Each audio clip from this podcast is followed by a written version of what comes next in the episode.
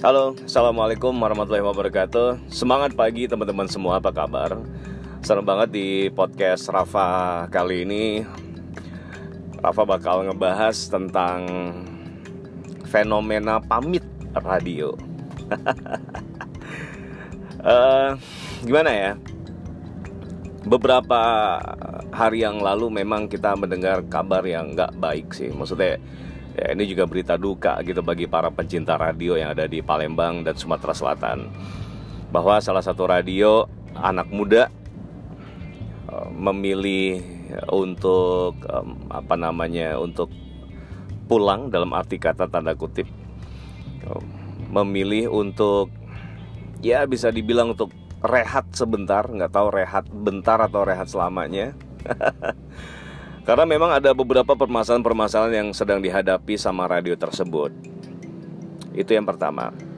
Kemudian yang kedua adalah nggak selang beberapa lama, nggak lama dari itu ada satu radio yang juga pamit seperti itu. Tapi pamitnya cuma pamit programnya aja, bukan radionya ya. Mudah-mudahan beneran program aja nggak radio.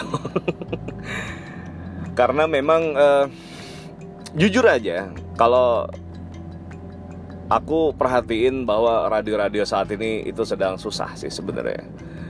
Kayak gitu. Nanti kita akan bahas itu. Nah kemudian ada lagi radio yang ketika jam 4 ke atas itu udah udah nggak on air lagi. Ada pas selidik selidik selidik katanya alatnya rusak. Uh, dan gue nggak bisa nyebutin radionya apa karena itu privacy orang ya. Katanya alatnya rusak kemudian akhirnya karena beberapa masalah lagi-lagi masalah keuangan akhirnya dia, mereka memutuskan untuk siarannya sampai jam 4 aja. Nah kemudian ada lagi radio yang bisa dibilang apa ya gitu-gitu aja bahkan dulunya di radio komunitas dan sekarang sih masih ya tanda kutip masih mentalnya masih radio komunitas sih. Karena mungkin dia nggak profit oriented kayak gitu tapi mungkin uh, lebih ke hobis oriented. Tapi ya udahlah kita nggak usah nggak usah ngomongin yang itu. Yang pengen aku ngomongin adalah masalah uh, apa sindrom pamit ini. Itu memang sebenarnya dari tahun 2019 radio itu banyak banget yang nggak pede gitu dengan dirinya. Kenapa nggak pede? Lagi-lagi dengan alasan bahwa mereka berkata, ya ini udah zaman digital, ini udah zaman milenial. Kadang-kadang kita nggak sanggup gitu untuk untuk ya bisa dibilang untuk beradaptasi dengan era sekarang. But it's wrong man, salah besar Sebenarnya kalau misalnya radio ini mau hidup, ya harus harusnya ngikutin arus gitu. Harusnya ngikutin apa yang ada sekarang. Misalnya sekarang zaman digital ya udah. Apa salahnya kalau misalnya radio itu memakai uh, apa namanya memakai uh, peralatan digital atau memakai teknik digital seperti itu untuk mempromosikan radio bahkan mungkin konten-konten uh, uh, yang dibuat juga bisa dikencengin lagi tuh di media sosial. But anyway guys, saat ini radio memang lagi susah. Ya, dalam tanda kutip bahwa radio saat ini lagi galau. Apakah mereka mau mundur atau tetap maju? Kalau misalnya mereka mau mundur, artinya mereka harus jual itu radio. Kayak gitu. Mereka harus cari pembelinya dalam tanda kutip pembeli karena frekuensi itu punya negara dan gak boleh diperjualbelikan. Tapi sayangnya ketika mereka memutuskan untuk menjual radionya, sayangnya para investor itu juga nggak mau beli.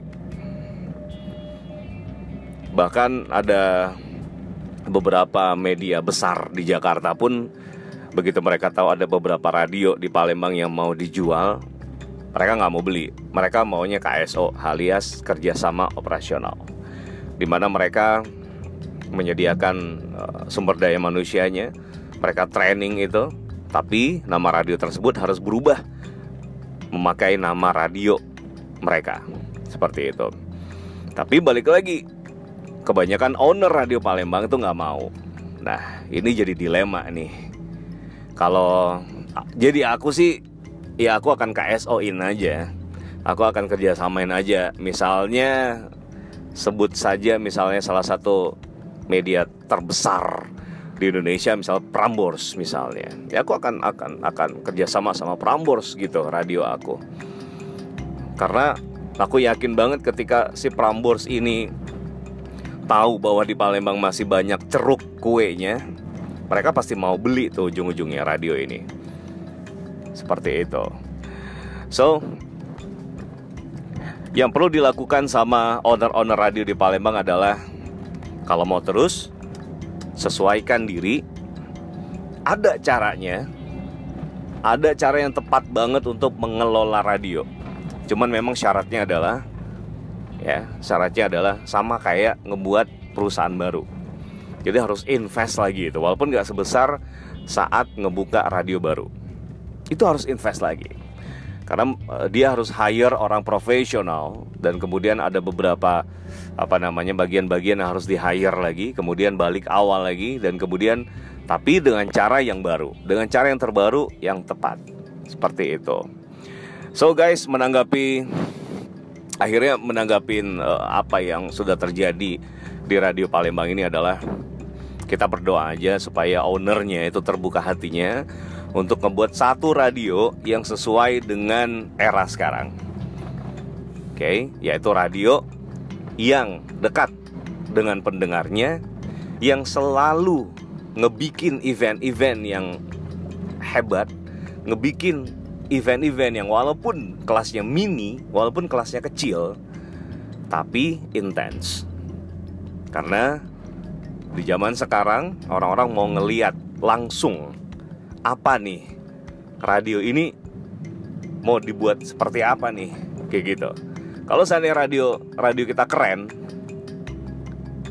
maka para pengiklan pun akan berbondong-bondong rebutan untuk promoin dirinya di radio kita. So, untuk lebih lanjutnya silakan hubungi aku di 0813 672 67256 untuk semua owner radio, kita akan berbincang-bincang. Saya akan share tentang bagaimana caranya memajukan radio. Oke, demikian dulu. Nanti kita bakal lanjut lagi di episode berikutnya. Saya Rafa Nawa, sukses untuk kita.